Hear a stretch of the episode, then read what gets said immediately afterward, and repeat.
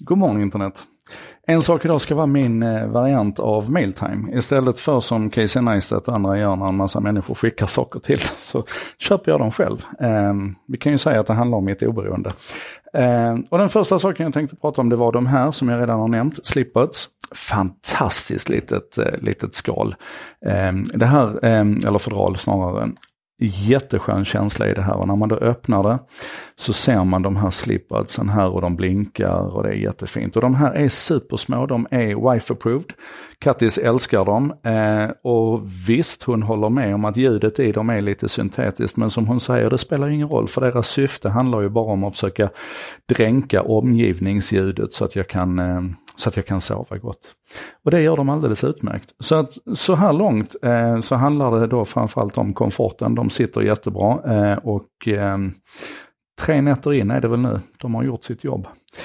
Det jag pratade om med de här, det var ju just det här att, att eh, vi idag har möjlighet att göra tekniken mer specialiserad, att man liksom drar åt det här lite smalare hållet igen. Och de här är ett typiskt exempel på det. De kan alltså, du kan inte prata i dem, du kan inte använda dem som eh, mikrofon till din telefon, du kan inte lyssna på musik i dem, utan de har bara en enda uppgift, det är att du ska sova gott på natten. Bra grej. Eh, mer bra grej då. Ja, en gång i tiden så var det ju så att jag handlade, när jag skulle handla internationella prylar så gjorde jag det via Borderlinks till exempel. Men det där har ju blivit nästan omöjligt idag, vilket betyder att man får passa på att shoppa när man är utomlands istället. Eh, som till exempel då att eh, köpa sin nya Pixel 3. Pixel 3 XL. Och jag kan säga att tittar man på features och funktioner och sådär så finns det egentligen ingen anledning att köpa en ny Pixel utan min Pixel 2 XL hade fungerat alldeles utmärkt. Men vill man uppleva den här känslan av att friktionen blir lägre och lägre, då är det fortfarande så att processorhastighet och och, och, sättet som du kan interagera med mobilen på spelar roll. Behöver du vänta tre minuter på att den ska komprimera en video istället för att det går på ett par sekunder, så gör det stor skillnad i hur du använder tekniken. Jag är fortfarande i det läget att jag vill att tekniken ska komma så nära mig som möjligt. Därför blev det en Pixel 3. Och jag kan passa på nu och slå ett slag för eh, Project Fi också. Eh, tyvärr så är inte det här åtkomligt om man inte har en amerikansk adress så att du får flörta med någon av dina kompisar i USA. Men Project Fi är alltså Googles virtuella mobilabonnemang kan man säga. Det funkar i typ 150 länder. Eh, du betalar, ehm, jag tror det är, bassumman är 20 dollar och då har du fria samtal och fria sms över hela världen hela månaden. Och sen så betalar du en, en dollarsumma per gig upp till, jag tror det är 6 gigabyte per månad. Och då är du på ett maxbelopp på 80 dollar. Sen efter det så är det gratis. Alltså du har fri roaming hela världen över.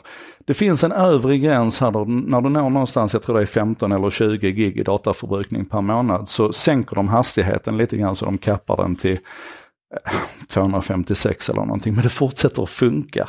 Och det är faktiskt helt ljuvligt. För min del så har jag det här alltså i min Pixel och då har jag ett eh, Tele2-abonnemang, ett fysiskt simkort som jag använder i Europa med obegränsad data.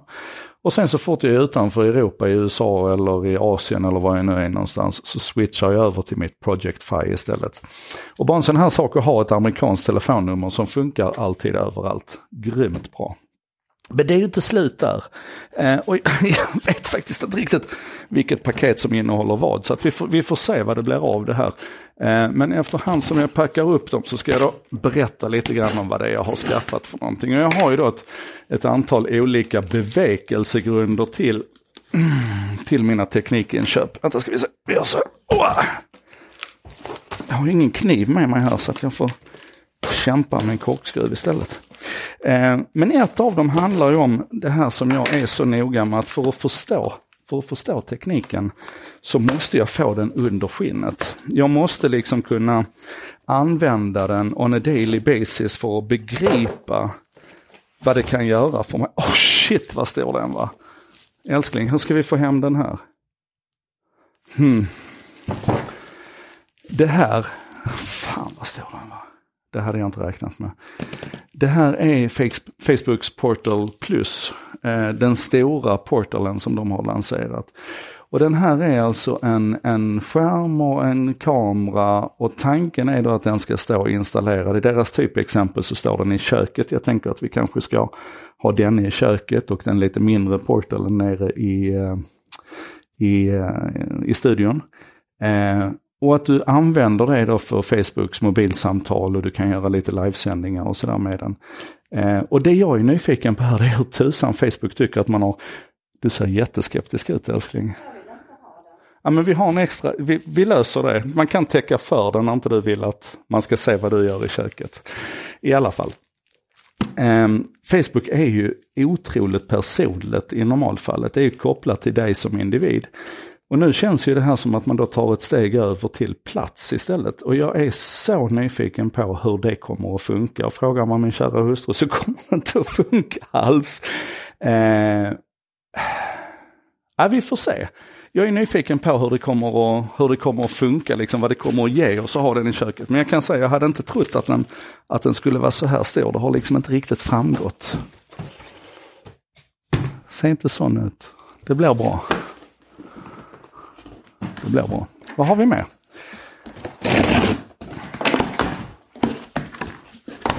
Då har vi nästa paket här. Eh, ja, och då har vi men mina lurar har inte kommit. De som jag skulle prata om också tänkte jag. Här är den lilla portalen i alla fall. Den är ju avsevärt mer, mer hanterbar. Så det kanske blir så att det blir, att det blir den som står i köket istället och så står den stora nere i studion. Vi får se lite grann. Men det här tycker jag nog ändå är det roligaste. Den här har jag pratat om innan. Det här är Ankis Vector. Det är den här lilla roboten som ska tomta omkring och, och hålla dig sällskap. Och det är, så att det, det är en fysisk representation av Alexa eller Google Assistant. Um, den ska kunna svara på frågor till dig naturligtvis. Och som ni ser på den här gulliga bilden här, du kan viska till den och så viskar den tillbaka.